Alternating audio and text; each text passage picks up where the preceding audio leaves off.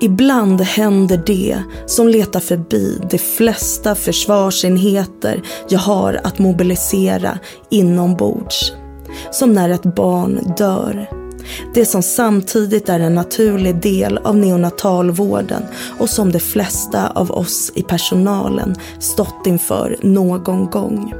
Jag har själv stått med i återupplivningssituationer och avslutanden. Jag har mött föräldrarnas tomma blick och tårar som aldrig tycks ta slut. Sorgen, smärtan, saknaden. Hur familjers drömmar och längtan fick ett oväntat slut. Att som personal vinka av föräldrar som istället för sitt nyfödda barn bär med sig en minneslåda och bilder på ett änglabarn. I dagens avsnitt av Neopodden ska vi prata om det nyfödda barnet men som inte fick chansen att leva vidare. Med oss har vi sjuksköterskan Therese Kjellin, en av de som varit med och utformat neonatalens riktlinjer för vården av avlidna barn här på Karolinska Universitetssjukhuset. I sitt arbete på neonatalintensiven möter hon familjer i kris och vars barns liv inte går att rädda. Vi kommer prata om hur det går till att vårda ett barn under sin sista tid i livet och tiden strax efteråt. Hej Therese och välkommen! Tack. Många skulle nog tycka att det nästan känns lite märkligt och fel att prata om vård i livets slutskede och då prata om det nyfödda barnet. Men hur kommer det sig att du har velat jobba med det här och tagit dig an uppgiften att vara med och utforma våra riktlinjer? Det är egentligen två händelser i mitt liv. Jag har en nära anhörig som förlorade sitt barn som var fyra månader gammalt i, en, i ett hjärtfel. Eh, och eh, det har liksom berört mig väldigt mycket och jag kände att de inte riktigt fick det som de behövde. Därför har jag burit med mig det på något sätt hela, hela tiden i mitt jobb. Sen träffade jag en familj på BIVA för många år sedan som också förlorade sitt barn i ett hjärtfel. Och de två sakerna fick mig på något sätt att förstå att det här med vård i livets slutskede på små nyfödda barn är otroligt viktigt. Mm. Det är någonting som de ska bära med sig hela livet och kanske våga skaffa ett syskon sen senare. Då är det så otroligt viktigt att man har fått ett bra avslut på det tråkiga som har hänt. Att mm. det har blivit så fint som möjligt, att man kan ha med sig mycket minnen. Men kan du inte dela med dig av en händelse som hängt kvar i dig och berört lite extra? Ja, det, det är ett fall som, som jag kommer ihåg extra mycket. Det var när det kom in en mamma till akuten med hjärtstopp. Och eh, jag blev, hade akutsökan den dagen och blev nerringd på det larmet. Och fick ta hand om deras bebis. Som eh, efter sju timmar inte klarade sig längre. Och eh, tyvärr så klarade sig inte mamman heller. Så att både mamman och bebisen gick bort. Och det är någonting som jag kommer ihåg jätteväl. Mm. Jag har också ett minne som jag bär med mig av och som jag förut kunde tänka ganska mycket på. Eh, jag minns, jag var ganska ny på neonatalen men hade jobbat som barnmorska innan på förlossningen. Jag hade akutsöken och den tjuter. Och jag tillsammans med en annan sjuksyrra och läkare springer ner till operation. Eh, det är ett eh, urakut kejsarsnitt. Och förut så låg ju Alltså, förut så fanns det som en liten dörr emellan mm. operation och rummet då, där neopersonalen stod. Men ändå så att vi kunde titta in på operation. Liksom. Eh, och med oss där ute i det här rummet så fanns även pappan. Och så kommer de ut med barnet och barnet har ingen egen andning och knappt någon hjärtfrekvens. Så att vi sätter ju igång och vi gör allt. Och vi kämpar med barnet i ungefär 25 minuter. Tills läkaren stannar upp lite och tittar på oss alla och frågar vad tycker ni? Och jag minns att jag liksom bara sådär skakade lite på huvudet att nej, nej, det här kommer ju aldrig att gå. Och precis så kände de andra också. Eh, vid 25 minuters ålder så hade barnet ingen egen hjärtfrekvens. Och då säger läkaren att okej, okay, vi fortsätter i fem minuter till. Och under de här fem minuterna, vi visste ju redan att det var kört. Men då kunde vi liksom sakta ner tempot lite, ta fram pappa som ändå fick se och röra vid sitt barn som fortfarande var varm och lite rosig. Tills läkaren säger att eh, tyvärr, det här kommer inte att gå. Och jag tar barnet, torkar av det och lägger det i pappans famn.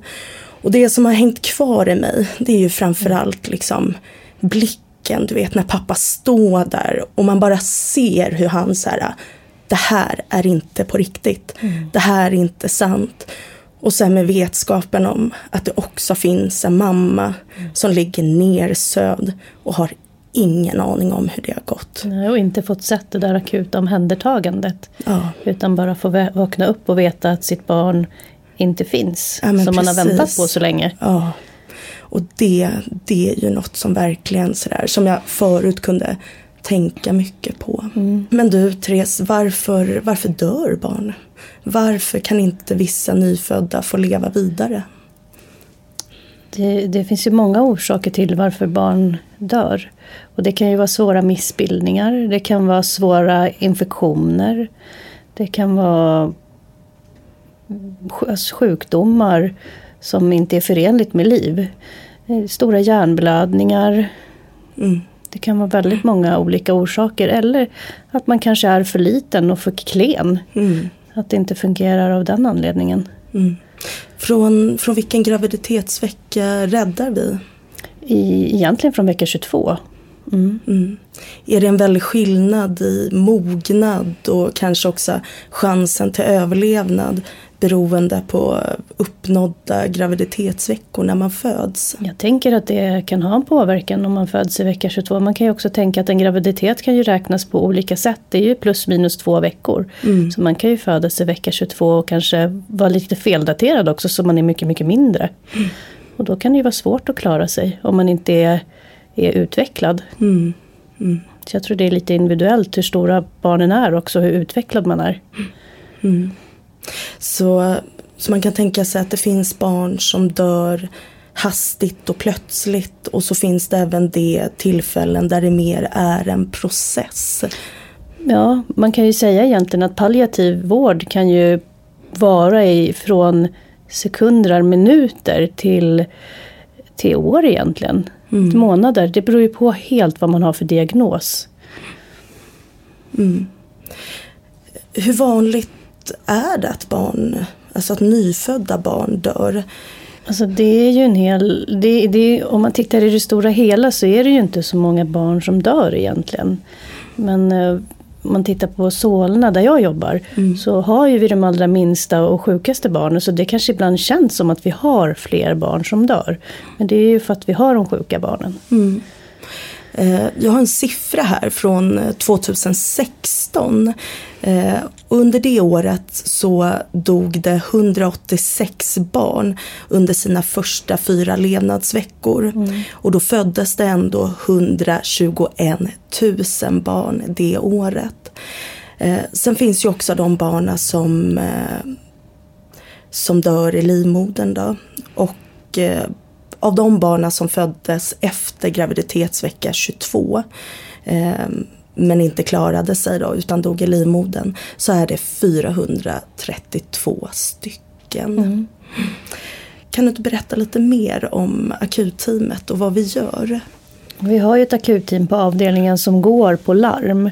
Och larm, det vill säga när vi blir larmade till förlossningen, när förlossningspersonalen vill ha hjälp med ett barn som kanske mår dåligt när det kommer ut, eller att vi vet att det ska födas ett barn prematurt så är vi med. Och då är vi oftast en neonatolog och en sjuksköterska och en undersköterska som går. Sen ibland kan det ju vara fler läkare med och fler sjuksköterskor eller undersköterskor. Så det beror lite på vad vi, hur många vi är i det teamet den dagen. Men minst en läkare, en neonatolog, en sjuksköterska och en undersköterska. Mm. Och sen är ju förlossningsteamet med. Ja, just det. Och alla som är med i NEO-teamet de är ju utbildade i det här att omhändertagande av Ja. akut liksom, sjuka och Absolut. nyfödda. Vi Ja. har ju sådana simuleringar på simuleringscenter på Huddinge. Där alla får gå och lära sig det. Mm. Finns det gånger där det trots den oerhörda sorg det innebär att förlora ett barn ändå kan finnas en viss lättnad i att låta barnet få somna in? Det är en jättesvår fråga tycker jag egentligen. Men jag tror att det kan vara de gånger att man kanske kan känna att sitt barn lider. Och att man kan känna kanske en lättnad i att ens barn inte behöver lida mer. Utan att den får lugn och ro när den somnar in. Våra barn utsätts ju för väldigt mycket procedurer och eh, akuta, i det akuta skedet så utsätts man för mycket mediciner och mycket olika handlingar så att ibland kan det ju bli ett lidande för barnet. Och då tror jag att man kanske som förälder kan känna att ens barn inte behöver lida mer. Men jag tänker om man då har kommit fram till att eh, barnet kanske har en skada som inte är förenligt med liv. Eller att eh, lidandet är så pass stort att man väljer att dra ner eh, behandlingsåtgärderna. Hur, hur ser den etiska diskussionen ut strax innan? Man har ju etiska samtal. Eh, och då träffas man ju i teamet, i hela teamet och, och pratar och diskuterar och tittar på hur ser det ut för det här barnet? Hur ser det ut runt omkring? Vilka berörs? Och så diskuterar man det här. Och de här skadorna, leder det till stora problem i framtiden? Kan man leva med de här skadorna? Kan man inte det? Så sitter man och diskuterar det i teamet. Och det, kan, det är undersköterskor, sjuksköterskor, läkare från vår avdelning. Ibland kan det vara barnneurologer, det kan vara genetiker, eh, kurator. Eh, Mm. ja, Finns många olika. föräldrarna med i samtalet? Inte i den stora etiska diskussionen oftast, utan man brukar träffa dem efteråt och gå igenom vad som man har diskuterat. Mm. Hur, eh, jag tänker, har, har du någon gång varit med om att föräldrarna inte har velat och kanske vägrat eh, att dra ner på en viss behandling utan vill istället fortsätta? Det händer absolut och det får man ha full respekt för, det är ju deras barn. Eh, Det är klart att man vill att ens barn ska överleva, så ibland kan man ju behöva mycket tid och information innan man förstår hur allvarligt det är. Mm. Ja, jag minns också några tillfällen så. Jag vet, eh, Eh, det är ju ganska vanligt att, som du säger, att de behöver tid. Ofta tid att bara ta in, men även samla familjen. Så att alla får chans att liksom ta, ta farväl av barnet. Har du kunnat se någon skillnad i kanske chocken eller sorgen beroende på hur och varför man förlorar sitt barn? Jag tror egentligen inte att det finns någon skillnad utan det är nog väldigt personbundet. Att man reagerar väldigt olika. Alla är olika. Allas reaktion ser olika ut. Och allas sorg är olika. Jag tror, om man bara tittar på ett, ett familjepar så är deras sorg olika. Så att det, det är väldigt individuellt. Eh, upplever du att föräldrarna bär på mycket skuld? Att de kanske beskyller sig själva för att det blev som det blev? Ja, det upplever jag ofta. Att, att mammorna ofta tänker att de har gjort något fel under graviditeten eller att, att, man har hand, att man har gjort någonting som gör att barnet har blivit sjukt. Eller skadat. Jag upplever precis som du att många beskyller sig själva att åh, jag skulle bara ha gjort så här eller jag skulle ha förstått att, eh, att mitt barn inte mådde bra och sådär. Men eh, det finns ju liksom ingen skuld att bära eftersom ordet skuld betyder ju att man också medvetet har skadat någon Ja. och det har man ju inte. Hur berättar man för sina anhöriga om vad som har hänt. Jag tänker många av de föräldrarna vi möter och som kanske får barn väldigt tidigt i graviditeten. De kanske inte ens har gått ut med att de är gravida eller att de ens har fått barn. Det är jättesvårt för dem, tror jag. Men eh, jag tror att det är viktigt att försöka vara så öppen och ärlig som möjligt. Och jag tänker att redan när man föder sitt barn för tidigt så behöver man ju stöd.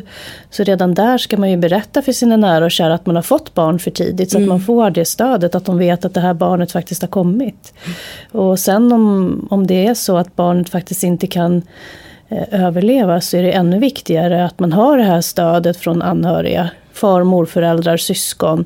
Att alla blir involverade tidigt för då har man varandra sen. Mm.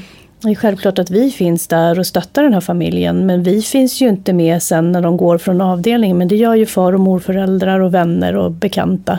Så det är jätteviktigt att man har det stödet. Jag tror precis som du att eh, det är bra att vara öppen. Och jag tror att när man också öppnar upp och berättar så märker man att man möts av mycket mycket värme och förståelse snarare än skuldbeläggning. Eh, sen har man ju också sett att många väljer att berätta på sociala medier. Till exempel på sin Facebook och Instagram. Och jag tänker för dem det passar så kan det också vara ett väldigt bra sätt eftersom man når ut till eh, många samtidigt. Absolut. Jag tror också att det är svårt för att man pratar väldigt sällan om på mödravården, vilket också säkert är rätt. Men man pratar sällan om att man kan föda barn för tidigt eller att man att man faktiskt kanske kan förlora sitt barn. Så det är ingenting som, som man är förberedd på. Det, man kanske inte ska vara det heller men, men man pratar väldigt sällan om det och det är ett väldigt att, att spädbarn dör pratar man väldigt lite om i hela vårt samhälle egentligen. Mm. Det är ju kanske det värsta som finns att ta i. Att, att tänka om mitt barn dör. Eh, men känner du att vi i personalen har liksom tillräckligt med kunskap och utbildning i att möta familjerna och vårda det här lilla barnet? Jag tror att de flesta har en bra grund att stå på. Sen tror jag att man kan alltid bli bättre på det. Och um, det här med bemötande är otroligt viktigt och i en sån här situation så är det extra viktigt för att de här föräldrarna eh, lyssnar verkligen på det man säger och, och, därför är det viktigt hur man säger saker och vad man säger. För det är ju någonting som de ska bära med sig hela livet. Mm. Och det är, inte, det är inte enkelt och för många är det svårt att, att träffa familjer i i chock och, och, i den här sorgen oavsett hur mycket utbildning man har, mm. tror jag. Skulle du rekommendera att uh, ta med kanske diakon och uh, sjukhusprästen uh, i, i mötena med, med familjen? Ja, sjukhuskyrkan har ju mycket kunskap med sig som man kan ha bra nytta av i de här samtalen och även våra kuratorer har ju det. Mm. Så att eh, man kan ju samla teamet när man är med föräldrarna för att stärka nätverket kring dem. Så att man kan ge dem det stöd och hjälp som de behöver. Ja, och jag tänker också att man måste se lite sina egna begränsningar som personal. En diakon och en präst eller en kurator eh, har ju mer liksom ett eh, holistiskt eh, perspektiv än vad vi alla gånger har. Eh, och det är viktigt att ta med alla människans eh, aspekter. Eh, så att jag tror absolut att de är bra mm. att ha med. Men kan man ta med en präst eller en diakon trots att man inte är troende kristen? Absolut, det kan man göra. Det finns de familjer som väljer det fast man inte är kristen. Man kanske vill ha en liten namngivelseceremoni. Eh, en någon, någon minnesstund runt barnet. Och då kan man säga till sjukhuskyrkan hur man vill ha det så gör, hjälper de till och skapar den här stunden för familjen. Man behöver inte vara kristen för att anlita sjukhuskyrkan. Nej. När är det läge att döpa sitt barn? Det är ju jättesvårt. Alla familjer vill ju inte döpa sitt barn men om man vill döpa sitt barn så bör ju barnet leva när man döper barnet. Så att, eh, och det är inte alltid sjukhuskyrkan kan hinna fram och döpa barnen så då får vi personal som är döpta döpa barnen. Man får ha sån, man brukar kalla det för nöddop eller akutdop. Så då kan vi hjälpa till med det. Är det här någonting du kan? Någonting du kanske har varit med om? Jag har döpt ett barn mm. en gång. Ja, för det är väl, om jag har förstått det rätt, så inom eh, kristendom så kan man bara döpa barn om det lever Ja. och annars så blir det en namnceremoni. Precis. Okej. Och kuratorn då, förutom ett eh, emotionellt stöd, vad kan man använda en kurator för?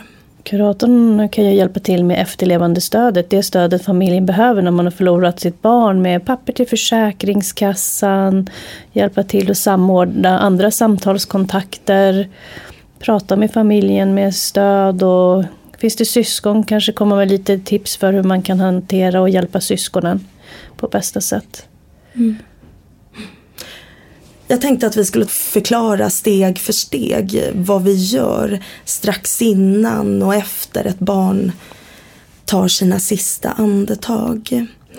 Eh, som vi föreställer oss nu att vi har ett barn som är så pass svårt skadat eller det kan vara en, efter en syrebrist eller en helt nekrotiserad tarm. Eh, barnet ligger intuberad ute på en vå- intensivvårdssal och läkarna tillsammans med familjen har kommit överens om att eh, avsluta intensivvården. Eh, kan du inte förklara för oss hur det går till? Jo, jag kan för försöka. Det viktiga är ju, i- som man brukar titta på i, precis i början, är ju, har den här familjen suttit med sitt barn någon gång? Eh, och har man, har man inte gjort det så är det jätteviktigt att man får sitta med sitt barn medan det lever. Så att då brukar de få en tid där de kan umgås med sitt barn. Ligga med barnet hud mot hud och ja, få njuta av sitt barn. Innan vi går vidare i processen och det kan vara i allt från korta stunder till timmar som man vill vara med sitt barn. Och kanske både mamman och pappan vill göra det här och syskon också. Så att de får vara med sitt syskon eller barn. Och efter det så, så oftast har man ju också haft ett samtal med familjen där man bestämmer hur man ska gå tillväga. Så att de vet redan innan. Och att de har fått vara med och bestämma hur de vill ha det. Det är ju inte vi som ska bestämma det. Det är ju faktiskt deras resa som de måste få styra över själva. Eh, Vi har förmånen att få vara med och hjälpa dem. Eh, Och många, man vill göra på olika sätt men ofta så är man ju att man tar ut familjen så att de är helt själva på ett rum. Eh, Så att de får vara där och, och mysa. Och då kan de ju vara ensamma där och man kan sitta utanför rummet. Så att de får den här egen tiden. Och vissa vill ju att det ska komma släkt och vänner redan då. Och vissa vill vara helt själva. Och sen så har man bestämt att ungefär en tid när vi ska komma in och börja ta bort apparatur. Och så börjar man ju tvätta bort tejpar och så för den här tuben, den här som sitter runt tuben som hjälper till att andas. Och så tar man bort tuben så småningom. Okej. Eh, får barnet någon smärtlindring eller ångestdämpande i samband med det här? Oftast så har man ju morfin och klonidin som går. Eh, som ger smärtlindring till barnet. Lite ångestdämpning. Vilka brukar finnas med inne på rummet tänker jag när, när det här görs? Alltså att man tar bort tejpen och så småningom tuben och ger lite smärtlindrande och så. Det är jätteolika, lite beroende på vad familjen vill. eh, Och lite hur, hur situationen ser ut på avdelningen. Men oftast är det ju en sjuksköterska med och en läkare och ibland en undersköterska. Så att, och ibland kan det vara så att läkaren är bara med och tar bort tuben och går sen ut och att undersköterskan och sjuksköterskan är kvar på rummet. Och ibland kan det vara så att familjen inte vill att vi ska vara kvar då går vi ut allihopa.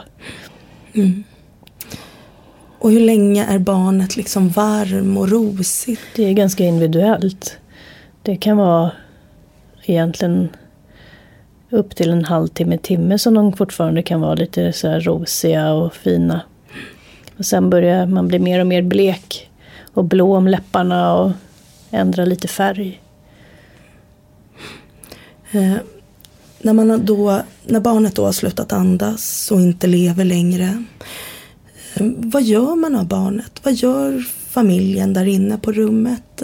Det är lite individuellt det är också vad man vill göra. Ofta så frågar familjen hur, hur brukar man göra, hur går det till? Och vi brukar rekommendera att man får bada sitt barn.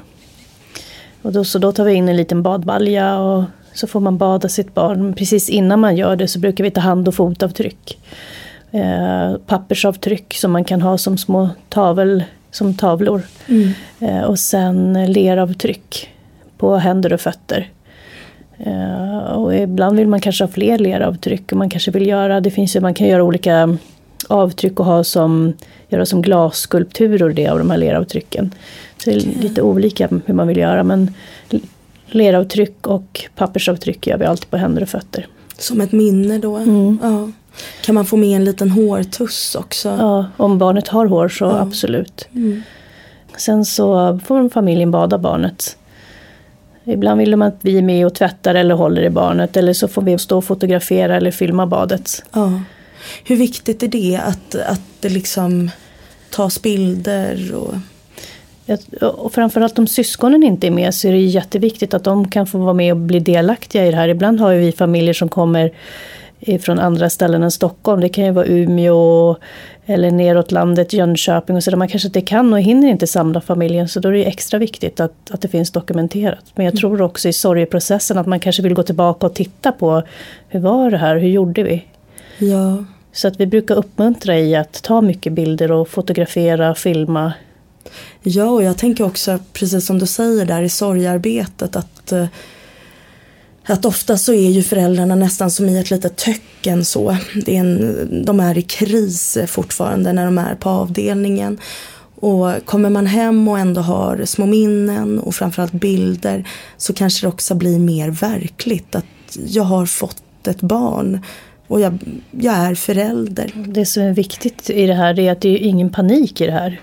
Så de, de får ta den tid de vill. Det är inte panik att bada eller ta hand och fotavtryck. Vill de sitta med sitt barn en timme eller två eller tre så får de göra det. Och så kan man göra någonting emellan och så får de sitta igen. Det här är en process som egentligen kan ta hur lång tid som helst. För att de ska ju de ska känna sig bekväma att de har fått göra det de vill göra med sitt barn. Men hur länge kan man ha barnet hos sig?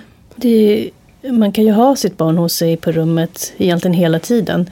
Vi har ju en Cubitus baby som eh, ser ut som en babylift med kylklampar i. Så man kan ha barnet på rummet hos sig egentligen ja, flera dagar. I flera dagar, okej. Och den här äh, bädden då med kylklampar, vad, vad är tanken med den? Det är ju att barnet ska hållas kallt. Okej. Framförallt om barnet sen behöver obduceras, att man kanske behöver titta efter en dödsorsak. Så, ska man, eh, så kan det vara bra om man är lite kall. Okej. Eh, vi brukar ju också ordna en liten minneslåda eh, till föräldrarna och familjen. Vad, vad lägger vi ner i den? Ja, det är ju lite vad de vill ha där i egentligen. Men det är ju de här hand och fotavtrycken. Det är hårlock om de vill ha det, en blöja, en napp. Eh, Det kan vara snuttetrasor med barnets doft som de kan ta upp och lukta på sen och känna att Åh, det luktar min bebis. Eh, Det kan vara, mm, vissa föräldrar vill ha en bit av artär eller navelven, de här slangarna som har gått in i naveln, att de vill spara dem. Det, det är jätteindividuellt vad man vill ha egentligen. Så små minnen av Ja, barnet. ja. Mm.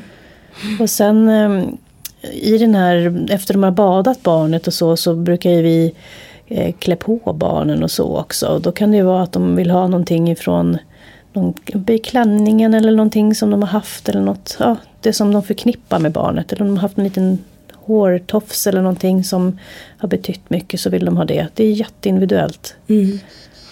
Och jag tänker, de här kläderna då, är det det som föräldrarna har tagit med hemifrån? Eller kan de också få av oss? Vi har ju kläder på avdelningen för om man får barn kanske i vecka 22 så kan det vara svårt att ha kläder hemma. Så vi har en undersköterska på avdelningen som syr kläder. Och sen samarbetar vi med en organisation i Göteborg som heter Prematurförbundet Mirakel. Som skänker eh, kläder till oss som eh, mammor syr som har förlorat sina barn. De har en Facebookgrupp som heter eh, Änglaklänningar tror jag den heter. Okej. Mm. Men vad fint. Så då är de här mammorna som har förlorat barn syr kläder till andra mammors barn som inte heller klarade sig. Ja. Och de sys av, av oftast av brudklänningar. Ja, och jag har ju sett många av de här kläderna. Det finns ju både vanliga bodys och sådär. Men det finns ju också något vi kallar sovklänning. Kallar vi det för? Nej. Att det är som en liten... Ja, det finns sovpåsar. Sovpåse ja. säger vi. Ja. ja. de är ju väldigt fina. Mm. Så att de... Det är små ärmar mm. på och sen så är det som en... Som ett nattlinne. Som ett nattlinne, bara att man kan knyta åt längst ner ja. vid fötterna. Då. Precis. Hur viktigt är det att bekräfta eh, föräldrarna i sin ja, vad ska man säga, föräldraroll. Att de har blivit eh, föräldrar och att de har fått ett barn.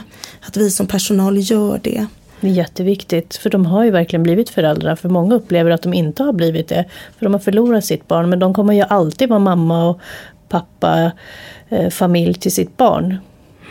Så det är jätteviktigt. Mm. De, kommer, de kommer alltid bära med sig det. Ja, och också, det vill man ju verkligen framföra till de föräldrarna att uh, våga, våga känna och ni mm. är det. Mm. Uh, för ofta så tror jag att man tänker att eh, man vågar inte riktigt knyta an för det blev inte som man hade tänkt sig. Och också eh, sådär strax innan, alltså innan barnet går bort men är kritiskt sjuk, mm. att man inte riktigt vågar eh, vara närvarande och mm. våga knyta an för att man är så rädd för att förlora det. Men, eh, men jag tror att man bara har att vinna på det. Eh, och mycket i bearbetningen också. Jo, att få känna att det här var på riktigt. Mm. Det är därför det är så viktigt att de får sitta med sitt barn också. Innan man eh, tar bort den här eventuella tuben. Alla föräldrar kanske inte hinner det för vissa av våra barn dör väldigt plötsligt.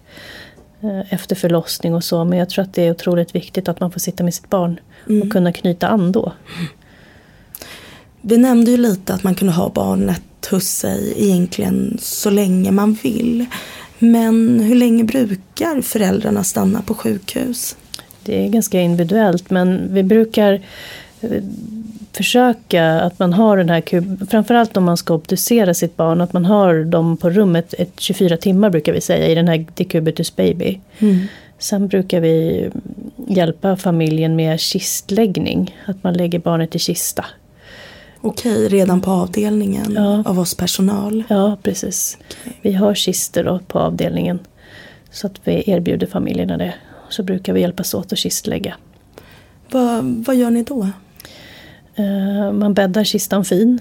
Mm. Det kan vara små kramdjur i och en, en fin filt. Och uh, så hjälps man åt att lägga ner barnet i kistan. Uh, och syskon kanske stoppar i teckningar, det kan vara blommor. Att man har olika saker i kistan.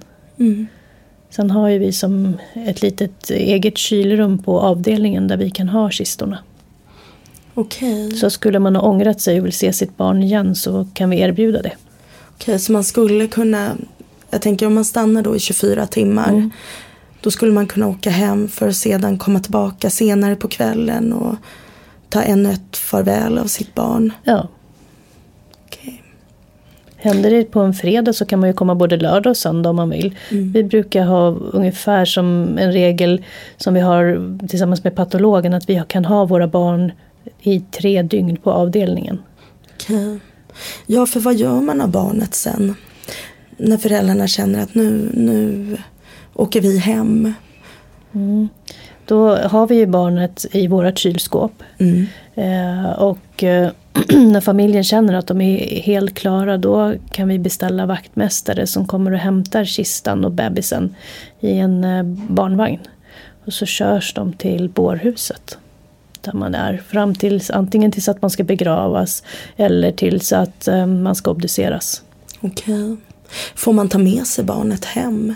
Det kan man göra, absolut.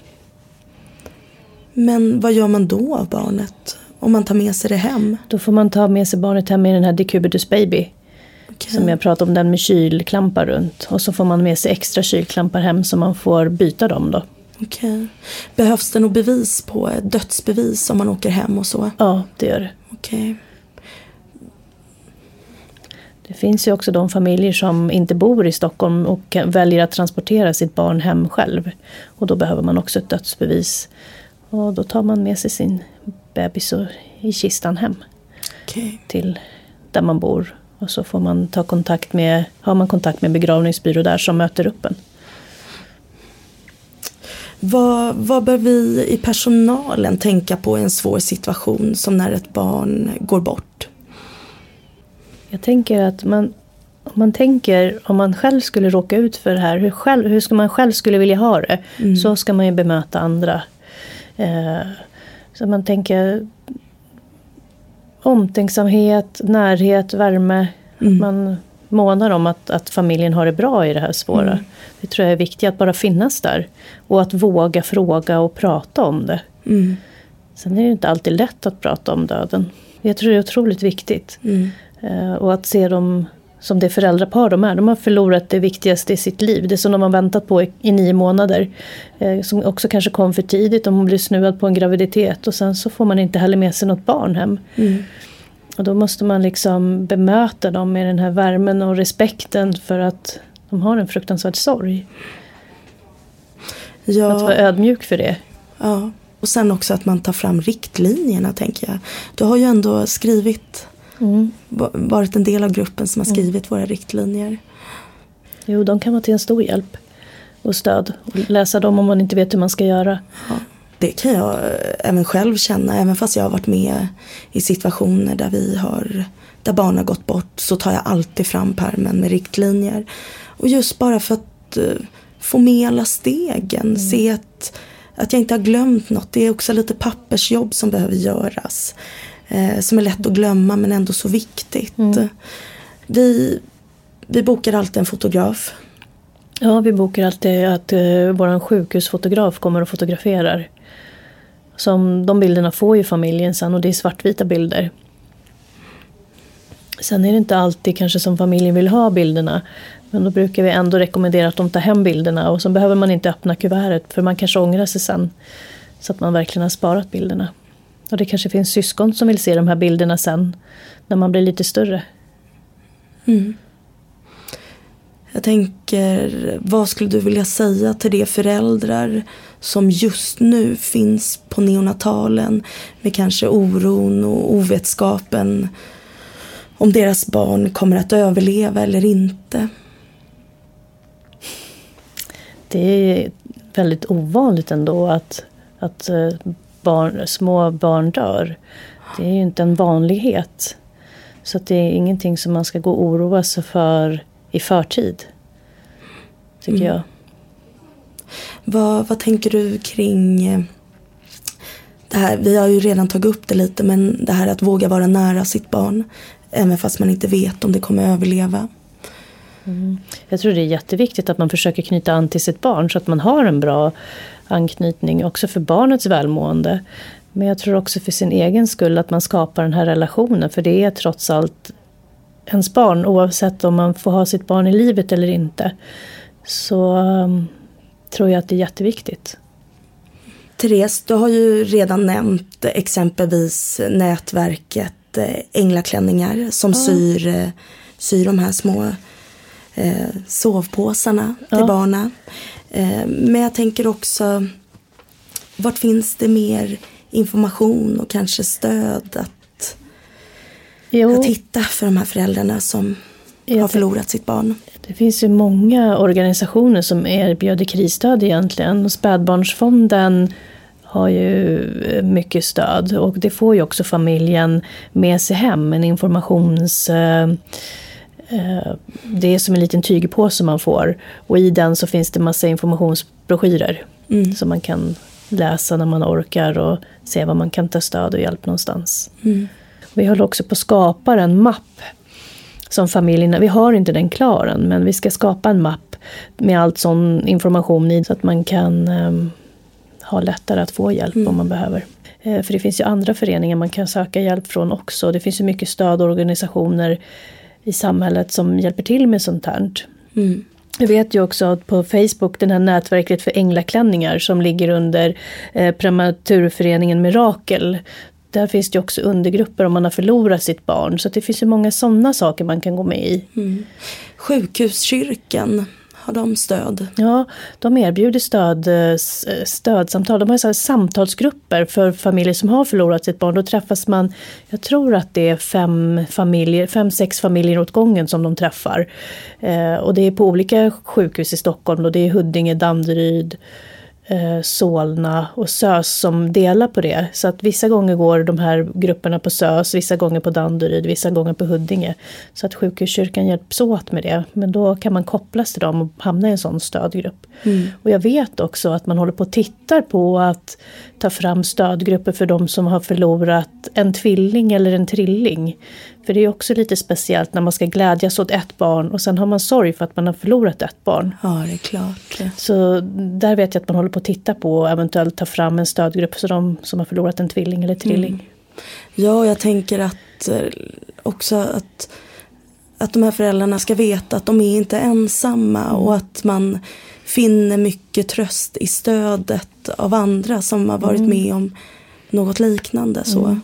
Eh, men jag tänker också att Therese, om man nu vill komma i kontakt med dig mm. eh, som vårdpersonal eller att det kanske är en klinik som vill utforma eh, nya riktlinjer för palliativ vård av väldigt små barn. Hur, hur kommer man i kontakt med dig?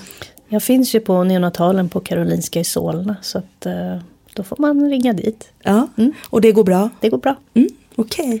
men du, det var allt för den här gången. Mm. Tack! Tack själv. Har du som vårdpersonal eller ni som avdelning funderingar kring hur ni på ett bra sätt kan möta och vårda inte bara det lilla barnet utan hela familjen där livet plötsligt förändras som vid svår skada, sjukdom eller efter förlust av ett litet barn? Är ni välkomna att höra av er till patientområde sjuka nyfödda barns etiska råd här på Karolinska Universitetssjukhuset. Det kan ni göra för att bolla tankar och fallbeskrivningar för ökad kunskap och förståelse genom att ta del av forskning och våra riktlinjer. Det var allt för den här gången. Tack!